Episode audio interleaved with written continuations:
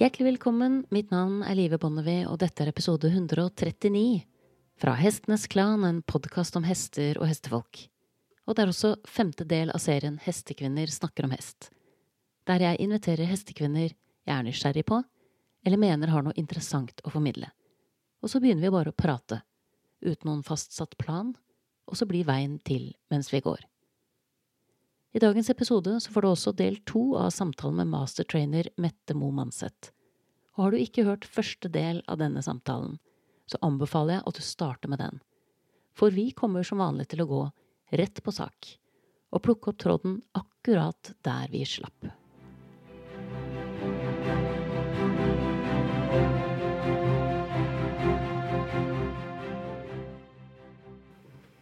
Har du opplevd å ha hester som du har uh, hatt siden jeg føler, har trent opp, har solgt, um, som kommer tilbake og er he helt annerledes? Altså har hatt negative erfaringer, og at du da har måttet hva skal jeg si, prøve å spole tiden tilbake litt? Har det vært en sånn situasjon med hester noen gang? Hmm, da må jeg tenke litt.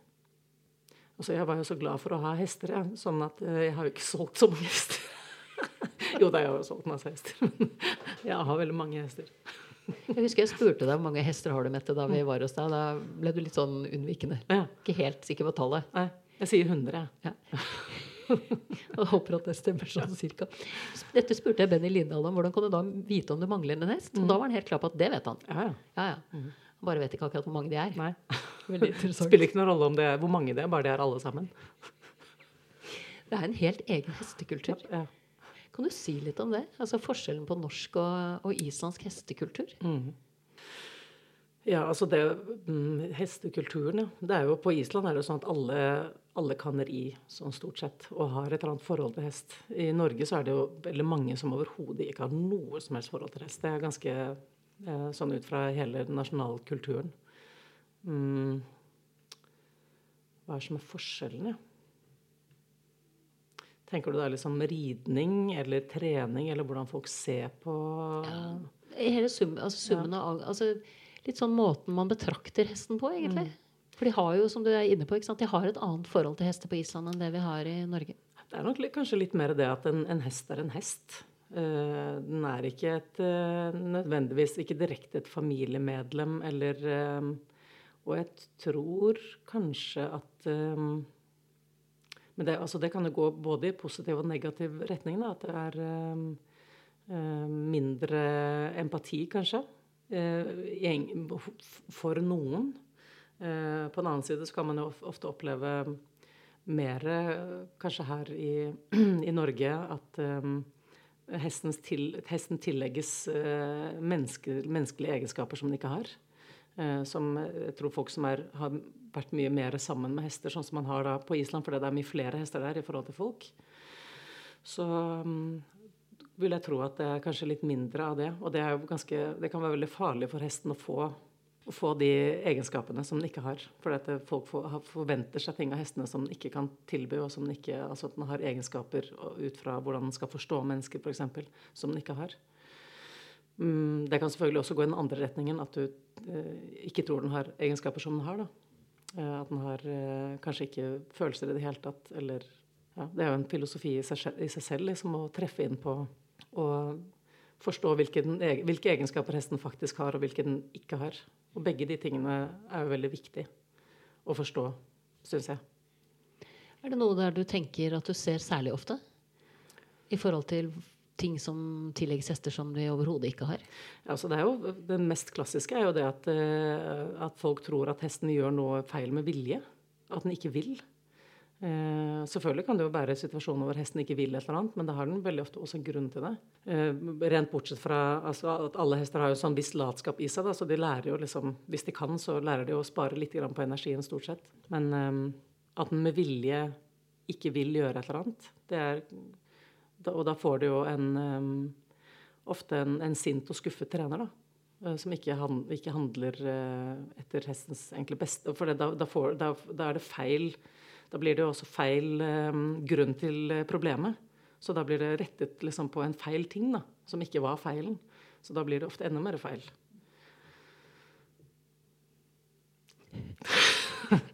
Jeg vet ikke om det gir mening. Jo, det gir mening. tatt. Ikke vær så langt unna mikrofonen. mm. Ja, men det gir jo mening. Ja. ja. Um, og er det ting som du tenker er veldig åpenbare egenskaper hos hesten, som du syns at vi veldig ofte overser? Ja, det er jo eh, f.eks. redsel. Altså Redsel er, eh, er, veldig Altså en hest har eh, en veldig stor del av hjernen som dreier seg om redsel og følelser. Så den, den er på gang hele tiden. Og den syns jeg folk har ofte en tendens til å ikke ville innse at det faktisk er en redsel. Um, og der tenker jeg at det er Altså Hvis en hest viser tegn på redsel, så er den redd. Det betyr ikke dermed at den ikke trenger å gå forbi den søppelkassa. Den trenger kanskje å gjøre det likevel, men den er redd for det. Så man kan, hvis man forstår det, så kan man ha en mye bedre egenskap til å kunne hjelpe den gjennom det. Eh, men det å si bare at en later som den er redd det, det, I min, min, ord, min, bok så bare eksisterer ikke det at hester later som noen ting. De er elendige skuespillere. Jeg tror de bare overhodet ikke De har bare ikke den egenskapen. Um, og det syns jeg er farlig for hester, at folk tror det. At den later som den er redd. Selvfølgelig kan den ha, et, um, ha lært et, et, mønster til hvordan den skal oppføre seg, som gjør at den overlever. Da. At den f.eks. setter halsen opp og, og og oppfører seg som en, som en redd hest, og at den dermed den, er det noen som lar den være i fred.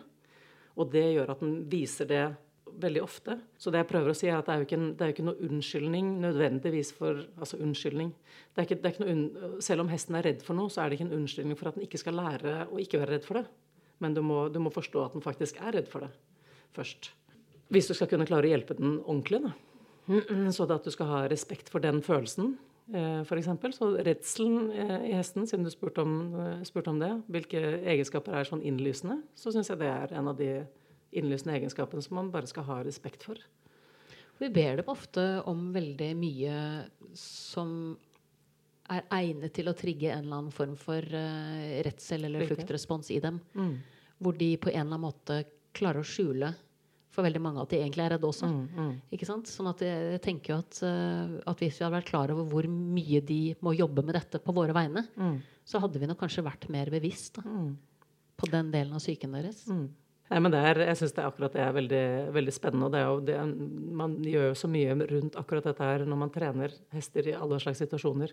Både når du begynner med en, en ung hest, så skal den jo bli uredd for deg, og så drar, drar du kanskje med den på et stevne eller på et, en tur et eller annet sted hvor, den, hvor, liksom, hvor det, utfordrer litt akkurat den, den, delen av de. Og det er jo en veldig spennende del å, å jobbe med, syns jeg. Å kunne, å kunne, hjelpe de gjennom det. Og det som, er, eh, det som jeg tror ofte folk misforstår, det er jo den delen, og som de syns er dumt, da. det er jo det at eh, en hest som er kanskje eh, redd for den samme tingen hver dag, så den alltid stopper opp, og så løper den forbi.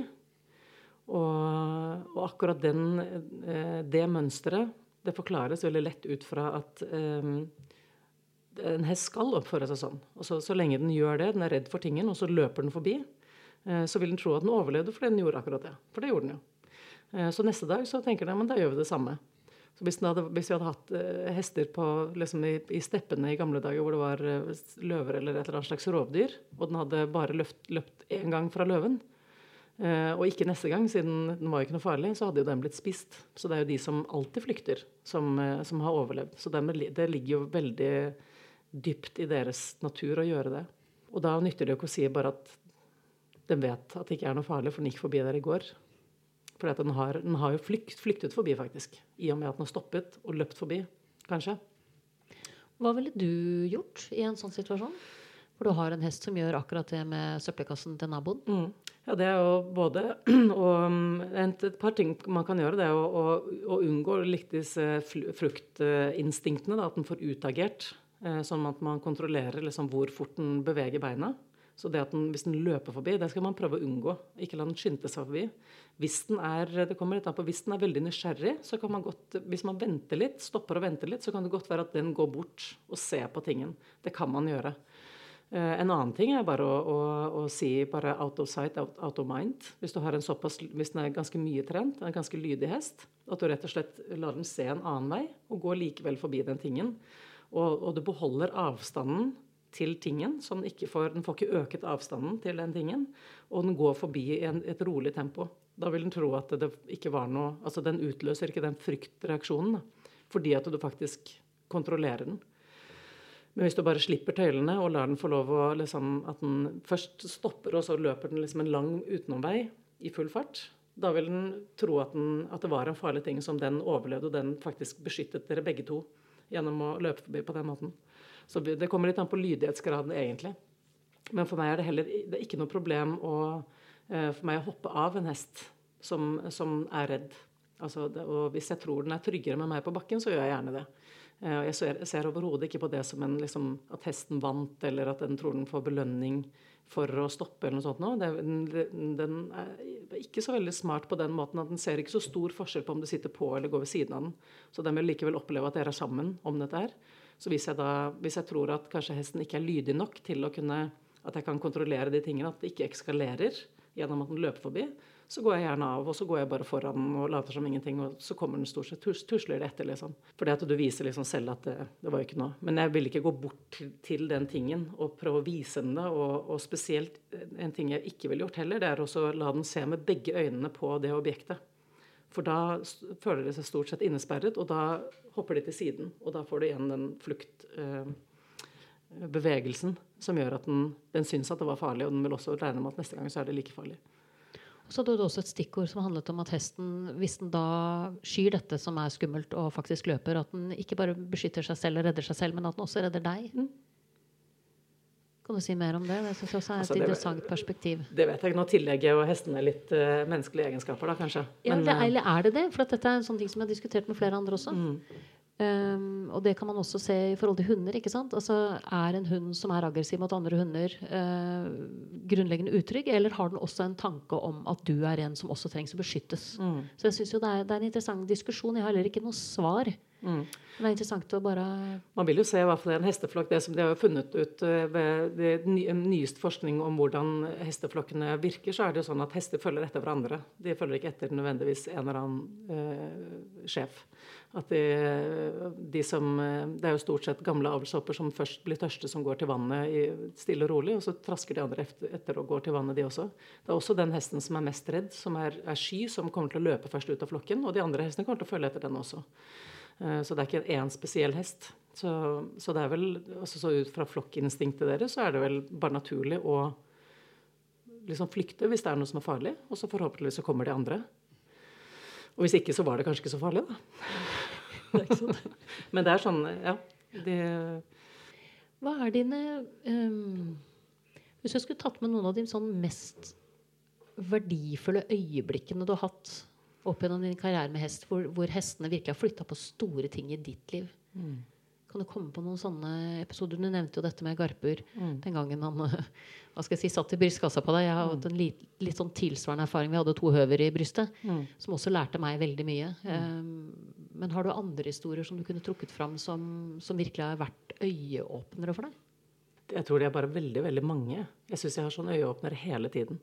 Det er, en det er helt utrolig jobb å ha å kunne, kunne jobbe med hester hele tiden. Uh, hver eneste hest gir en, en, mulighet, og hver eneste elev vi har, som jeg treffer Jeg syns det er kjempeinteressant å se på nye uh, par, altså, hva sier man for noe? Um, ekvipasjer. Par, ekvipasjer ja. Som, uh, hvordan, hvordan, de fungerer sammen. Hvordan, liksom, hvordan fungerer hesten? Hva, hva, er det rytteren prøver å styre, og hva, det, hva, det, hva, tror hesten at rytteren prøver å si? Liksom? Det er så morsomt å, å se, se hvordan sånne ting fungerer. Så sånne øyeåpner syns jeg har veldig mange av, egentlig. Um, mm. Jeg jeg, du bare ikke, jeg, høres ut som du svømmer i det på en eller annen måte. Ja, ja men jeg, jeg føler at ja, jeg, føler at jeg gjør det. Og så er det også av og til oppdager man jo ting som man visste fra før av også. I, um, som man husker plutselig. Ja, Blir påminnet. Blir påminnet om at ja, sånn, sånn var det. Men om det er um, Nei, det er jo vel nei, Jeg tror ikke det er noen sånn spesielle altså, Jeg kommer, kommer, sikkert på en eller annen episode etter litt tid, men akkurat nå så er det ikke noe sånn som uh, Ikke noe som faller ned i hodet på deg? Nei, det er bare, det er bare veldig mange liksom, det, er veldig mange erfaringer som, har, uh, som former deg hele tiden. Kan vi snakke litt om det, om hvordan hestene former oss? Mm. For det er jo min erfaring også, en av grunnene til at jeg har denne podkasten. Jeg pleier ofte å si at jeg har lyst til å gi noe tilbake. da. Mm. Jeg at 40 år med hester, har i veldig stor grad, kanskje i større grad enn nesten alt annet jeg har gjort, bortsett fra kanskje å bli mor, har definert hvem jeg er. Uh, og gitt meg et uh, ankerfeste som jeg er rimelig sikker på at jeg ikke ville hatt. Ikke på, ikke på denne måten hvis jeg ikke hadde drevet med hest. Mm. Um, hvordan er din erfaring uh, med dette fantastiske dyret gjennom alle disse årene som du også har drevet på? Mm. Nå har jo mitt, mitt, liv dreid seg veldig mye om hest, da. jeg har liksom jobbet fulltid og vel så det i, siden forrige århundre med hest. Så den har jo selvfølgelig, hesten har jo formet meg enormt mye. Um, og jeg syns de gir De gir veldig mye uh, hver dag. Um, å lære mer om dem og forstå dem de bedre. Og kanskje det som Eller hva lærer man om seg selv, ja. Man, man, jeg tror man får en ganske god innsikt i, i um, hvordan man er som menneske stadig vekk. Man, får, ja, man pleier ofte å si at testen er et speil. Mm. Uh, og det kan man jo sikkert diskutere om er riktig bilde, men altså at testen alltid gir en respons på den man er, mm. det føler jeg at det er ikke noe vi kan diskutere. Altså, sånn er det jo. Mm. Og det er klart at da er det mange mennesker man kan treffe i løpet av en dag som ikke gir en slags sånn biofeedback på hvem man er i det øyeblikket. Mm. Mens når det kommer til hesten, så er det veldig klar tale. Mm. Så i hvert fall for min del så føler jeg at jeg har vært med å gi meg et sånt, ja, både et ankerfeste og en slags sånn ryggrad i bunnen som, som jeg, vet veldig, jeg, vet veldig, godt hvem jeg er, egentlig. Mm. Og så har en ordentlig bevissthet på det. Og det er jeg sannelig ikke sikker på om jeg ville hatt det på den måten hvis jeg ikke hadde drevet med hest. altså. Mm. Jeg føler at veldig mange ting som man opplever eh, rundt hester og forbindelsen liksom med hester som, man, som, man, som, gjenspeiles i den vanlige menneskeverden, synes jeg. Det syns jeg er veldig fascinerende. At det er masse, masse, ting som jeg tenker at altså Når jeg snakker med folk som ikke driver med hest, som, jeg, som hjernen min liksom forteller at ja, men sånn er det jo. Og da er det en eller annen sånn hesteting som uh, har liksom som har lært meg det. Altså en eller, annen, en eller, annen, ting i hvordan man oppfører seg rundt hester. Altså psykologi, da. Mye. Uh, som, har, uh, som har lært man det, på en eller annen måte. Ja, det er et eller annet veldig matnyttig. Ja, det er det. Jeg opplever det også, ja, kanskje særlig i forhold til altså, det å ta ledelse i jobbsituasjoner, f.eks. Mm. Det føler jeg at uh, at jeg kan takke hestene for at jeg har fått en slags tydelighet der som jeg også tror jeg ikke ville hatt på samme måte hvis jeg ikke hadde drevet med hest. Mm, det er det helt sikkert. Så det kjennes jo ut som en veldig stor velsignelse i så måte. Mm. Jeg føler at vi har begynt å dekke et ganske interessant felt. Mm. Er det noe du tenker at vi burde ha snakka om som vi ikke har snakka om til nå? Og du tenker at faen, det her må vi jo Dette burde vi jo ha så jævlig irriterende at vi ikke snakket om det. det, kommer, det kommer sikkert etterpå, men det er uh, Typisk sånn to timer fra nå. ja, ja. Uh, men uh, Nei, det er jo bare hva du, hva du tror at er interessant, liksom. Jeg vet ikke hva som jeg er føler jo at vi har kommet Det er flere av disse tingene, særlig i forhold til det der du snakket om med hestens Altså det at hesten blir redd, og dette med åpnet og lukket og sånne ting. Der føler jeg at du har flere ting som jeg tenker kan for det er noe med å åpne folks perspektiv. Mm. Og det der som du understreket, som Benny og flere andre også. ikke De, nei, de gjorde ikke det på gjørs, liksom. Mm. Eh, for det, det, kan de ikke. Mm. Som du sier, det er dårlige skuespillere. Altså, det Jeg tenker jo mer vi kan få ut av deg som ikke sant? Jeg, Da du dro til Island eh, og traff på masse hester, så ble jeg i Norge og hadde én. Eh, og den hesten hadde jeg 17 år. Og så hadde jeg ni års pause hvor jeg ikke først hadde flere år hvor jeg ikke visste om jeg kunne ha en hest på nytt. Eh, for jeg hadde så altså, blødende hjerte. Jeg hadde så sorg over å ha mistet en av mine viktigste venner, egentlig. Mm. Uh, og så en sånn periode kanskje over en fire-fem år hvor jeg tenkte, hvor jeg begynte å kjenne at jeg åpna meg litt. Uh, og prøver igjen fire-fem hester og kjente liksom at jo, jeg kunne kanskje hatt hest igjen. Mm. Og så treffer jeg da på The One, Altså finner en hest som altså snakker om læremester. Finner en læremester dyppet i gull, som jeg tror Katrine Fosstad kalte det. Um, ja, og da, da, får man da får man på en måte ett perspektiv. Mm. Eller vil si i mitt tilfelle kanskje to veldig tydelige perspektiver. 17 år med den ene hesten, og nå etter hvert noe som må begynne å ligne 8-9 år med den andre hesten. Mm. Så det blir en type reise. Mens den reisen som du har hatt, hvor du har så enormt mange hester som du får kontakt med, det, liksom, det må gi et helt annet perspektiv. Uh, og jeg er så nysgjerrig på på en måte det Jeg innbiller meg at du ser noe annet eller noe Sånn som det du trekker fram i forhold til um, genetikk. At, at, utfordringen med hesten kanskje kan være Nei, det var ikke fordi du mm. håndterte ham feil, mm. eller fordi du ikke forsto, eller fordi Dette er linja hans, på en måte. Det ligger i blodet. Mm. Et sånt perspektiv for meg er litt sånn vil ikke si at det er fjernt, for jeg, jeg, vet jo at genetikk spiller en rolle, men, men du, du, har sett og erfart i en mengde da, mm. som jeg ikke er eh, Og de fleste andre som driver med hest, ikke er i nærheten av. For at vi har ikke det, mm. det, det viktigste med akkurat det, det er at Ehm, en hest har jo e-, egenskaper som den har arvet av mor og far. Eh, som hestetrener så er det jo det viktigste at du ikke bruker det som en unnskyldning for hvorfor det går galt, men du bruker det som, til at det skal gå bedre. Og at du kanskje er den som skal bevise at det trenger ikke alle sammen å være sånn, som, er et, som har den slekten. Ikke sant? Det, er, eh, det, tror jeg er, det har jeg lært også er, er veldig viktig. Og at du, du, snur det til en fordel. Da. At du vet det. At det er ikke en, det er ikke en unnskyldning. Jeg likte veldig godt det du sa om at når du på en måte har sett det på, i forrige generasjon, mm. At det, det, ruster deg mm. til å håndtere det på en bedre måte. Og at man sånn sett også prøver å overgå seg selv litt i forhold til hvordan kan jeg løse det. Eller mm. hva skal jeg si, være med å fasilitere at uttrykket til det som blir annerledes. Da.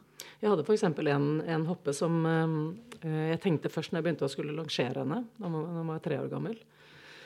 Så gikk det sånn ganske greit på venstre hånd, og så på høyre hånd så ble det helt stopp, egentlig. Og hun var så sint, og hun liksom eh, bare ville ikke, og mm, jeg tenkte liksom åh, det Det var i begynnelsen av min avl, egentlig. Det var sikkert hest nummer tre som jeg avlet, eller sånt, tenker jeg. Eh, den hadde ikke bra nok gemytt, og den er jo så sint.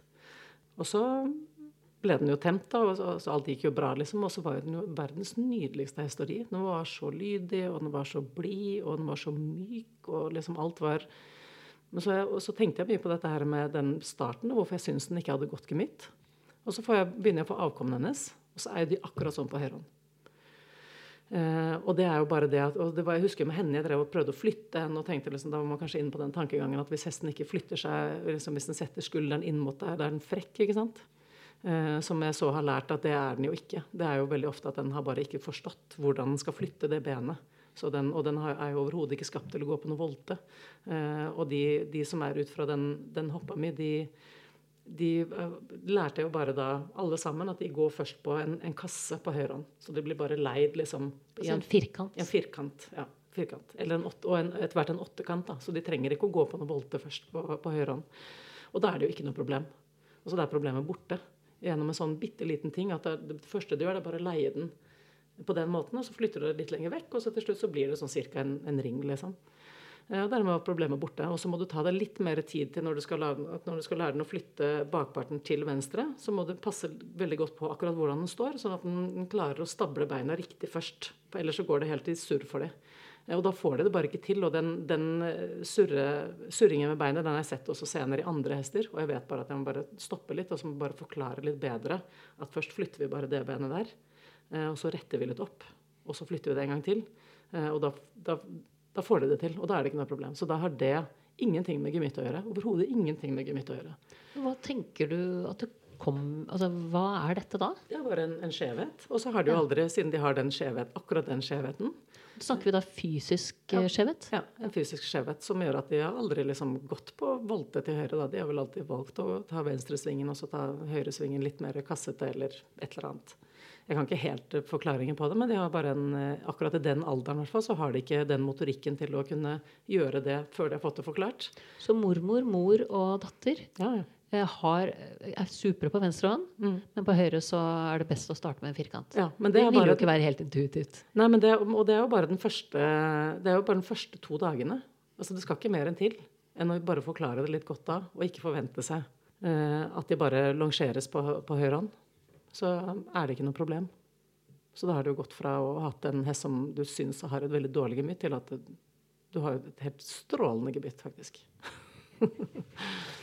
Det er veldig interessant. Ja, jeg synes det er, det er også, tenker man også Fysiske forutsetninger og gemytt er jo også veldig Hvis de har veldig vanskelig for ting, for enkelte ting, og det kan være, ligge ofte i bygningen en, en vanskelig rygg eller en vanskelig hals eller eh, en eller annen svakhet, som gjør at, eh, at det virker som de har dårlig gemytt. Og kanskje da i kombinasjon med kanskje et visst temperament, da, men det er ikke liksom temperament i seg selv. Det er kanskje kombinasjonen, og så er det vanskeligheten som gjør at de at det virker som det er noe galt med gemyttet. Men de trenger mer hjelp med, med kroppen sin. Ja, for dette er den klassiske at testen beskytter sitt problem. Mm. Ikke sant? Altså At den har en utfordring, og så hegner den på en måte på et vis om det. Ja, Så kan det være en vanskelighet for å forstå f.eks. For la oss si at du har en hest som er litt høy bak, og med lang og, og svak rygg, og kanskje litt, uh, litt, feil hals. Det høres jo ikke særlig bra ut, egentlig. Den vil ha et problem med å sakke ned farten fra, for tøylen. For den får ikke til det til å stemme helt. For hver gang noen tar i tøylen, spesielt når de sitter på ryggen og egentlig trykker da litt ned samtidig som man tar i tøylen, så faller faller ryggen ned, og så sparker egentlig bakbeina naturlig mer fra. Så egentlig så øker de farten fra naturens side. Så den får et veldig, Og den samme hesten vil også ha et problem med å svare skjenkelet på en normal måte. Den vil enten ikke svare skjenkelen, eller den vil svare dem litt sånn krampaktig og hoppe litt til. Uh, og for, Hvis du kan begynne med den hesten og få hjulpet den til å gå litt annerledes, så er det ofte den plutselig begynner å svare hjelperne mye bedre. For eksempel. så da må du ha en forståelse for at det er Problemet ligger i hvordan uh, Du kan også si at bare 'Å nei, den har en dårlig bygning, vi kan ikke ri den, så vi må kaste den'. Men det trenger man stort sett ikke. Men man kan finne ut hvordan kan du hjelpe den sånn at den klarer å ta imot signalene. Eller hvordan kan du forandre signalene sånn at den forstår det bedre. Men da ikke, ikke skylde nødvendigvis på gemyttet. For det trenger ikke å være det som det er noe galt med. Det er ganske sjelden egentlig faktisk at, uh, syns jeg, må jeg si. Det er veldig sjelden at du har et virkelig dårlig gemytt det er min erfaring også på det lille utvalget som jeg har sammenlignet med ditt. Mm. Altså at det uh, Atferd kommer uh, veldig ofte bare av en veldig god grunn. Mm. Og så må man finne ut hva den grunnen er, og så se om man kan avhjelpe det. Mm. At det kanskje blir vår viktigste jobb da, når vi bestemmer oss for at uh, vi skal drive og gjøre ting med dem. Mm. Så kan man jo ha sånn, så, altså Jeg har jo et sånn favoritttype gemytt som jeg liker best, og vil gjerne avle den type hest. Men, men sånne altså, oppførselsproblemer det tror jeg man kan veldig ofte unngå. Hva ville du tenkt om en hest eh, Jeg har en hest som er egentlig veldig leken. Mm. Uh, og, og by, tilbyr mye. Men som sammen med de andre hestene i veldig liten grad gjør det samme. Alltid vært en sånn litt gåte for meg hvorfor han har det rommet når han er sammen med folk. Mm. Og det var litt det samme som min forrige hest, faktisk altså har en På en måte kanskje en jeg vil ikke kalle det en usunn tilknytning til folk, men på en måte oppleve det likevel med begge mine hester som litt usunt. Mm. Jeg husker Da vi hadde hest på Tangen, så reiste jeg veldig motvillig på sydentur med familien og var borte en uke eller hvor lenge det var. Og Da fortalte jo han som drev stallen, at hadde hesten stått ved porten hver dag og ventet. Mm. Og så ville noen sagt 'Å, så fint', men jeg tenker det er jo ikke noe fint. Mm.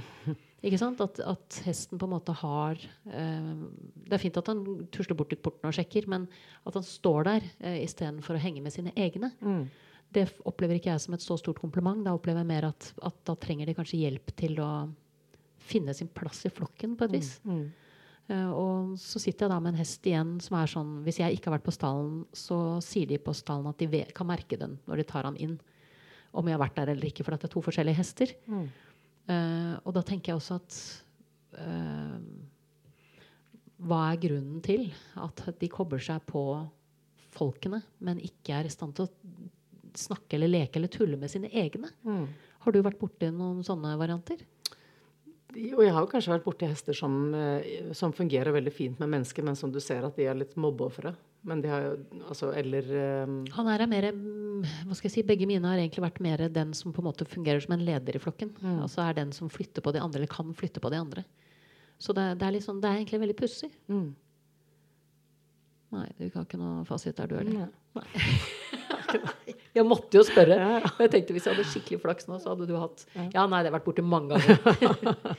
da er det bare å ja, Kanskje jeg ikke heller studert godt nok hvordan de oppfører seg sånn seg imellom i de små flokkene sine. Jeg vet ikke. Jo, jeg tenker jo vel ofte på det og ser liksom hvordan de Men ikke, ikke den vinkelen der har jeg ikke tenkt på. Nei, Men så har jo dere Jeg skulle til å si litt av problemet her også er størrelsen på flokke. ikke sant? Mm. Altså, Dere har mye større flokker på Island. Mm og mye mer plass. Sånn at det skal nok også mer til å få utfordringer som dette når hester på, holdes på den måten som dere holder dem, tenker jeg da. Mm. For det var jo en av de tingene apropos hvor lett det er å drive med hest på Island. Eh, mm. Eh, hvor mye plass det er til å ri. Mm. mm. Hvor tilrettelagt det er for å ri. Mm. Eh, og hvor store utearealer, i hvert fall de stedene hvor jeg var, da, hvor hestene faktisk Store flokker, stor plass. Altså det er jo altså på, på, visse tider av året. Men så har vi jo på, um, på vinteren så er det jo ganske små paddocker som de får være i. Og det er, lite, det er en veldig liten tid av dagen de kan være ute. For de vil ikke være. Altså de vil ikke være ute det været. Um, de vil inn på stallen når det, når det snør og blåser. Men det blåser jo så infernalsk på Island. Mm. Men det er også, det, altså de, de, har ikke noe behov for å være, være så veldig lenge ute når det er, når det er dårlig vær. Nei, og ikke, også hvis det er kaldt, en følelse ofte, så er det sånn Da vil de heller stå i den trygge boksen sin. Det er interessant, altså. Mm. For det er jo veldig ofte omkvedet, og det er en av de som signerer det. på en måte. Altså at man opplever, Jeg opplever nok at min hest er en veldig utetype hest. Han er til de grader kledd for det. Han er liksom en gammel blodslinje. Han har virkelig solid hovskjegg og mm. litt lang rygg, litt korte bein og, og godt med pels. Mm. Og han, uh, han, har fått det bedre han, sånn som han står nå på utegang. Mm. Men, uh, men, min forrige hest uh, var veldig tydelig på at han ville helst stått inne på en del dager hvor han da stakkar også hadde den utegangsskjebnen. Altså. Mm. Så det, det der med å finne også balansegangen i forhold til hva som er best for dem. Ja, jeg tror det. det er, selv om en, en, ting er liksom naturlig for en hest, så er det ikke nødvendigvis at den liker det. Eh, skulle gjerne sikkert bare hester som står ute gjennom altså ute, Hestene som ikke er i trening, de står jo ute hele året. På store områder og i store flokker. Og de skulle nok veldig gjerne vært inne tenker jeg, hvis de hadde fått valget når det er, eh, når det er skikkelig storm. Eh, så derfor de bare, må de bare komme seg gjennom. Da står de og beskytter hverandre og, og, og venter til de er ferdige. Håper på bedre tider. Ja. Ja. Men det er interessant altså, at det gjelder i islandshester. Mm. Jeg, som sagt, jeg har sett begge, begge, typer. Men det er klart, mm. nå fant jeg også ut at hesten min har grad 1 astma. Så det kan jo sånn sett også hende at han har kjent på at det er ikke så ålreit inneklima for ham. Mm. For han hosta jo Han hostet jo før han gikk over på utegang, så hostet han jo egentlig Og før jeg fant ut hva det var, da, mm. så hostet han jo typisk et par ganger hver gang jeg startet mm. å ri. Og så mm. går man ut på nettet og ser at ja, det er jo normalt. Mm. Fordi det er mange hester som gjør det, men det er også fryktelig mange hester som har astma. Mm.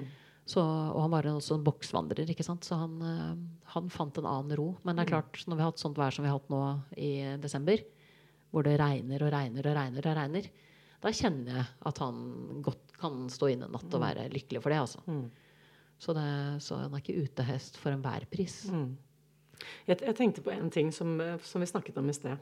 Det var at um, du spurte om ros, og hvordan man lærer hester å motta ros. Og det er en, egentlig en annen ting som jeg også gjør, um, uh, som har egentlig med, akkurat med det å gjøre. Og det er eh, at jeg, jeg, lærer dem å stå på en, på en ordentlig måte.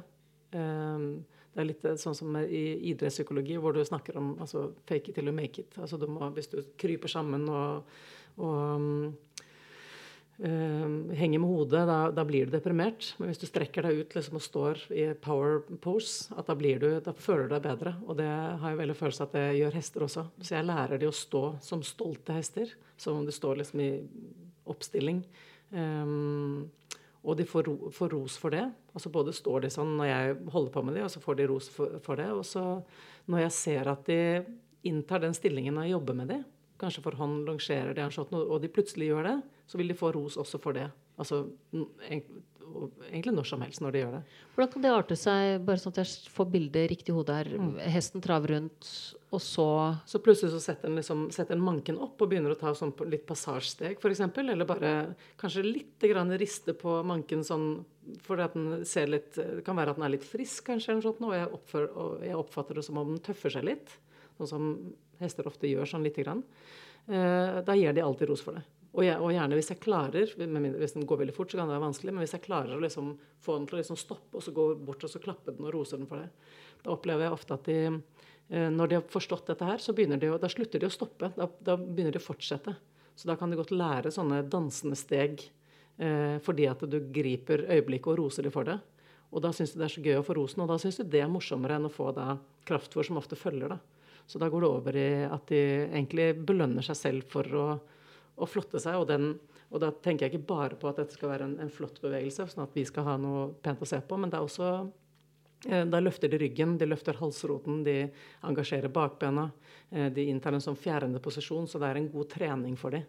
Eh, også, det er en sterk posisjon også hvis, når den får en rytter på, så den også forbereder seg også for å ha Så det er en, det er en god stilling for det å, å øve seg i.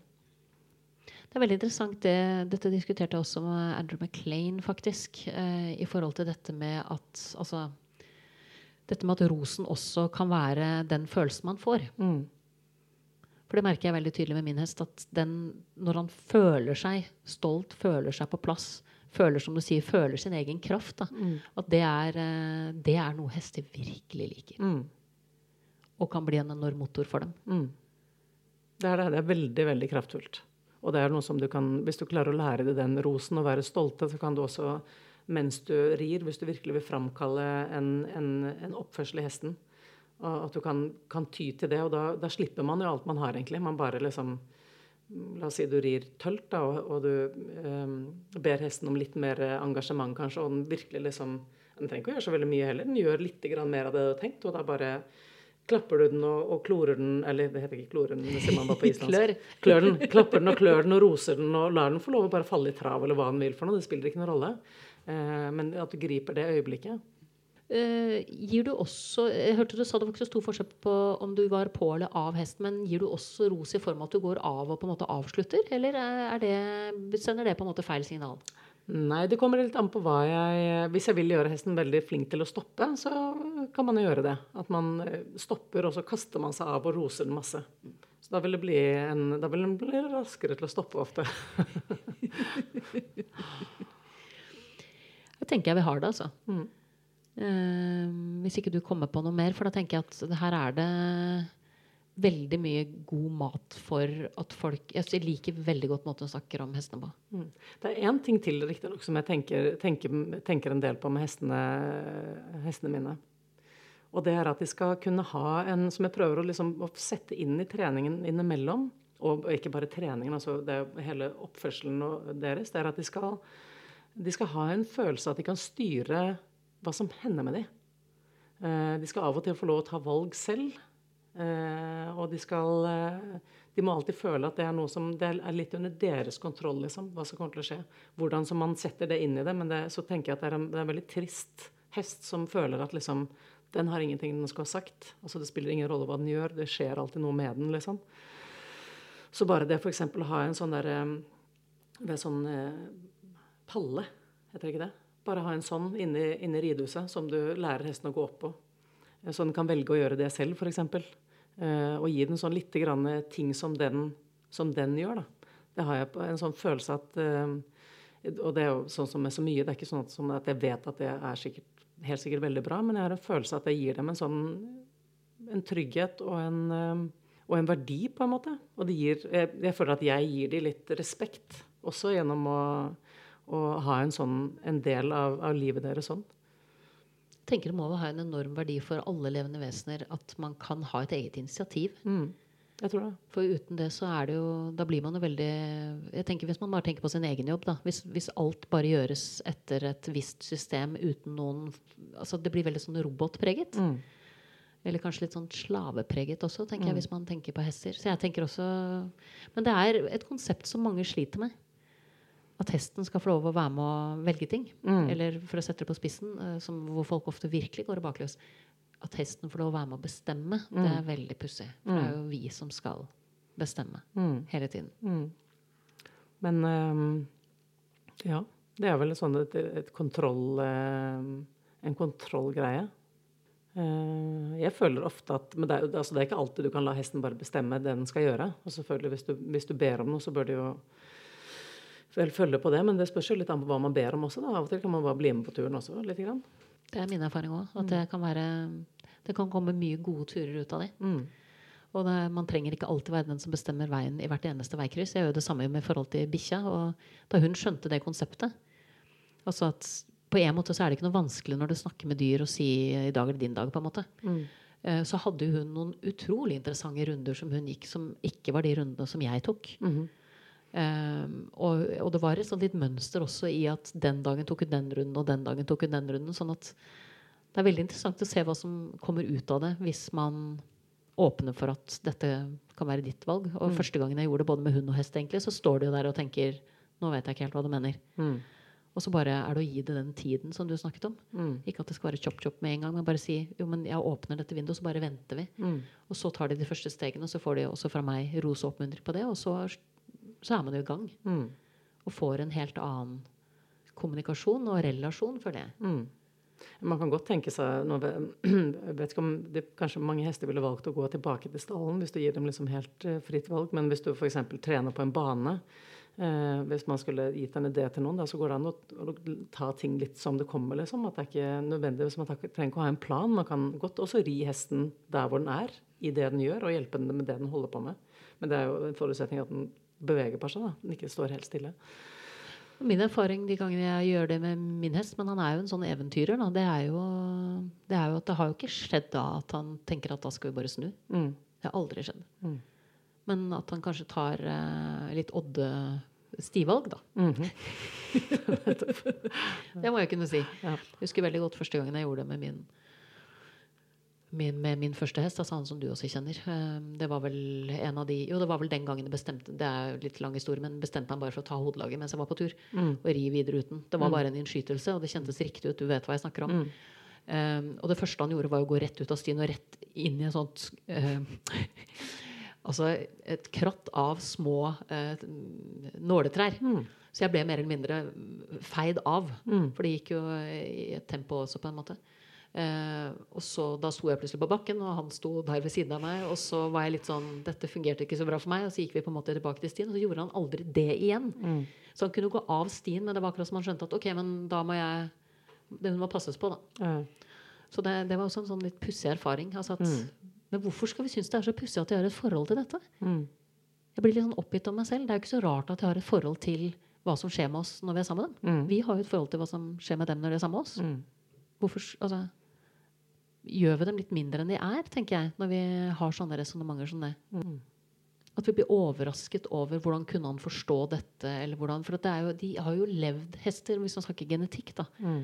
Både i forhold til hund. De har levd med oss i tusenvis av år. Mm. Jeg ville påstå at det har lært dem også genetisk sett da, til å på en måte lese noe av oss som en åpen bok. Ja, men det gjør det, det? gjør det nok De gjør det. de gjør nok det ganske mye. Og de ser jo det på den forskningen som de har gjort med hunder nå, at syntaks Altså at de skjønner jo syntaks også. Hva er syntaks? Altså sammen, hva skal jeg si, sammenhengen av ord. Så Mm. istedenfor at du bare sier 'sitt', Mm. eller har den ene tingen, så kan de fange opp Eller bare 'tur', da. Det er riktigere å si. Mm. At istedenfor at man tenker at de fanget bare opp det ene ordet 'tur', Mm. så fanger de opp mer av setningen enn det man har trodd. Mm. Viser noe forskning som jeg har lest nå, i hvert fall. Så tenker man jo hvor er hestene i det, da? Ja, de er jo veldig til å oppfatte situasjonen, i hvert fall. Det er jo veldig som man kan benytte seg av i, og må, veldig lurt å benytte seg av det i trening. Og veldig lurt å også forstå hvorfor man får problemer av og til ut fra at det oppstår egentlig den samme, den lignende situasjonen, syns hesten, som den har opplevd før. Jeg tenker det er omtrent nå jeg kan stille deg det signaturspørsmålet mitt. Jeg. Mm. Kjenner du til det? Husker du det? Nei. Nei, så bra. Ehm, jeg har et signaturspørsmål Mette på denne podkasten mm. som, eh, som veldig få gjester har eh, sluppet unna. Ikke det at det er noe skummelt spørsmål, men jeg liker jo å stille spørsmål ved hva er det viktigste du har lært på din reise med hester? Som du tenker at det er viktig at alle som driver med hest, vet eller er mer oppmerksomme på? Mm. Og jeg skal være rask si at det er også flere gjester som har sagt det er ikke bare én ting. Mm. Og det er ikke noe krav at det skal være én ting. Men ja. Jeg tenker at det er eh, at eh, en hest er en hest. Og så ble det helt stille. Jeg kan godt forklare det bedre. Ja, det, det syns jeg du skal gjøre. Okay. Selv om jeg føler at du har sagt det. Men ja, Ja. jeg syns du skal forklare Ja, det. altså en, en hest er en hest. Den, er, eh, den har andre egenskaper enn mennesker. Den har andre egenskaper enn hunder. Eh, Den har ganske mange likheter med både mennesker og, og hunder. Og det gjelder både altså selvfølgelig fysisk, men, men også psykisk. Og det at en hest er en hest, det gjør også det at eh, det er vår plikt å sette oss inn i eh, hvordan en hest er, og prøve å forstå det så godt som vi kan, og ikke tro at vi har, at vi har sannheten. For det det er jo, og det som er fascinerende med hester, det er jo at det er jo de som bestemmer egentlig om ting virker eller ikke. Altså det, det er, du kan ikke ha en regel. Altså du kan jo ha det, og mange har prøvd det å ha en regel som de prøver å presse hesten inn i. Og også En annen ting er det kanskje, at, kanskje det at regler når man har, Og det kan veldig ofte hjelpe deg til å trene. Hvis du lager deg en, en regel og nå skal jeg gjøre det sånn og, og at den er til for å hjelpe hesten. Den er ikke til for at man skal presse hester inn i den eller, eller avfeie hester. Den er til for å hjelpe den. Men det er vel ikke ja, Jeg, jeg syns jo ofte at man ser at den blir brukt akkurat på den måten som du beskriver som, som motsatsen. Mm. For den, den, var, den, var, funnet opp først. Av den som fant opp regelen, så var den funnet opp for at det gjorde det lettere for rytteren å trene hesten, eller for, for de å ha en kommunikasjon, eller hjalp hesten på en eller annen måte. Men så kan man dra den for langt og bruke den i for mange situasjoner, og så kanskje virker den ikke. Eh, og da, og da er det faktisk da er det hesten som bestemte at det virket ikke. Og det nytter ikke å presse den inn i den regelen likevel. Mette, tusen hjertelig takk for praten. I like måte. Det var strålende å se deg. Nå skal vi møte resten av eh, gjengen fra den stallen der vi starta her i dag. Mm -hmm. I kveld. Så mm. det, blir, eh, det, blir, skikkelig stas. Ja, veldig godt å se deg. Og veldig hyggelig at du tok deg turen fra Island til Norge. Det var bare hyggelig. En, en, en um, glede på min side. Gjensidig glede. Takk skal du ha. du har nettopp hørt episode 139 og del fem av Hestekvinner snakker om hest. Fra Hestenes Klan, en podkast om hester og hestefolk. Og da gjenstår det bare for meg å takke min faste komponist Fredrik Blom, min gjest Mette Moe Manseth, og sist, men ikke minst, vil jeg som alltid takke deg, kjære lytter, for tålmodigheten måtte hesten for alltid være med deg.